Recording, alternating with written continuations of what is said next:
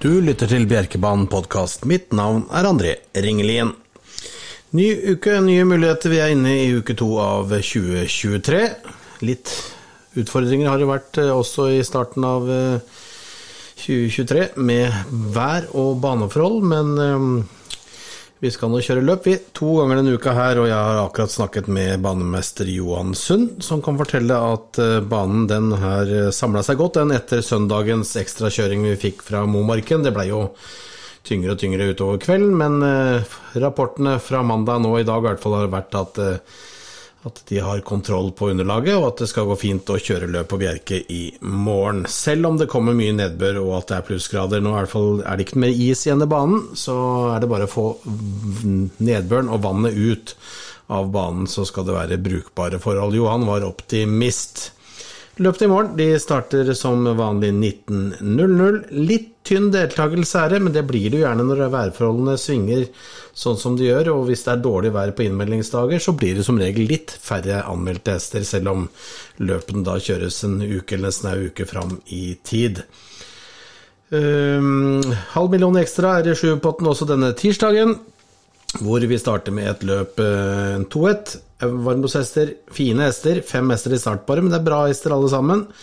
Caruso er klar favoritt eh, per nå, Frode Amre og Caruso, men den er jo såpass variabel og møter gode hester. Han møter Gentletron, som eh, alltid gjør gode løp. Vinner kanskje ikke like ofte på slutten av fjoråret som det han gjorde til å begynne med, men det er hans årstid framover nå. Han er rask fra start.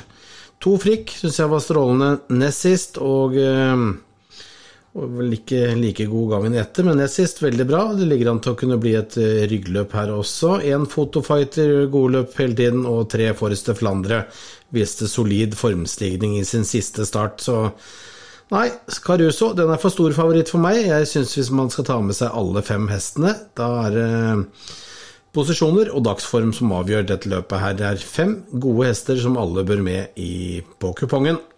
Andre avdeling, sprint og voltestart, kaldblodshester. Åemluna hun eh, har vært eh, kjempegod. Det kan hende at hun bare vinner, selv om hun møter skarpskodde eh, hopper. Det er hoppløp der. Hun møter skarpskodde sprintere, og sprint har jo hun gjort noen få, men hun har vært stort sett ute på 2-1 og, og sånn, Åemluna. Og voltestart, sprint det kan gjøre sitt til at enkelte hester hisser seg litt opp og kanskje galopperer i startøyeblikket, men Ormluna hun er en fantastisk hest, så at hun skal være favoritt, det syns jeg er helt rett. Men hun møter uh, jevn hopper som er uh, kjapp i beina, tenker på tre Bjørelydia, tenker på fire Briskebjørna, som begge har vist fin form i det siste, og seks Tale, som viste formstigning i sin siste løp, og har fått to løp i kroppen, og Tale har vunnet løp som dette her tidligere, så jeg anbefaler å ta med tre, fire, fem og seks. Ormlund er en grei favoritt. Treavdeling, det tror jeg det holder med to hester. Det er de begge er ubeseira. Det er snakk om to Viking Classic og tre GG Asti. GG Diasti. Den av de som får tett, tror jeg har størst sjanse å vinne, men hvem av de som får tett, det er ikke jeg sikker på. De, begge er ubeseira. De har ikke starta mye, men ingen av de andre hestene i feltet har vunnet løp. Og eh, begge de to forhåndsfavorittene har gode spor. To og tre tror jeg er en fin lås i treavdeling. Fjerdeavdeling, et eh, voltestartløp med tolv hester til start. Eh, fire hester er det vel på strek, og resten står bak.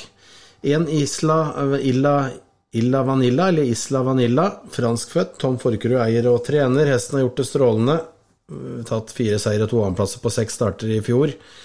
Årsdebuterer nå, men har starta så seint som 18.12. og vant da. Står fint til på strek og eh, bør regnes tidlig. Torjail Tiamo, fin hest det òg, som har eh, avslutta fjoråret veldig fint. Står fint til på strek. Den tredje, tredje strekhesten som jeg tror kanskje kan få med utfall å gjøre, det er fire American Coffee, som også har vært jevn og solid og stabil på gode tider. Tilleggshester. Fem eh, Brilliant Minds er favoritt per nå. Vant i debuten for Frode Hamre på Jarlsberg lille julaften. Nå er det tillegg. Innerspor i tillegg. Innerspor på tillegg, og det er aldri enkelt. Eh, må med på bongen, selvfølgelig. Syv Casmina BR fra Christian Malmin sin stall, han har tre hester med i løpet. Jeg tror American Coffee og Kashmina Beer er de to hestene med størst mulighet fra hans stall. Åtte Agnes US, hun er i veldig god form, pleier å være der på den tiden her av året. Og 11 OU Sexy Lady har vist litt fremgang, var god ned sist og satt fast eh, sist gang. Har et fint, spennende springspor og er lite spilt. Kanskje kan den komme tilbake og overraske. Femte avdeling. Først og fremst to hester skiller seg litt ut. Det er fem Fyri og seks Voieviljar. To flotte Kalbushester som begge har blitt fem år, og begge var med i årets utgave av fjorårets utgave av Norsk travderby for Kalbushester. Det er de to, først og fremst. Det er 2100 meter, begge takler det bra. Begge har spor midt bak bilen. Det er bare seks hester med i feltet. Men merk dere at Fire Horgmeo ikke var mye slått av eh, Fyri nest sist. Mm, kom omtrent likt i mål da. Det skiller enormt på kryssene. Og at 3 MH Hercules var veldig god, slo gode hester sist gang. Blant annet Ask Major. Ehm, så helt uefne er heller ikke de.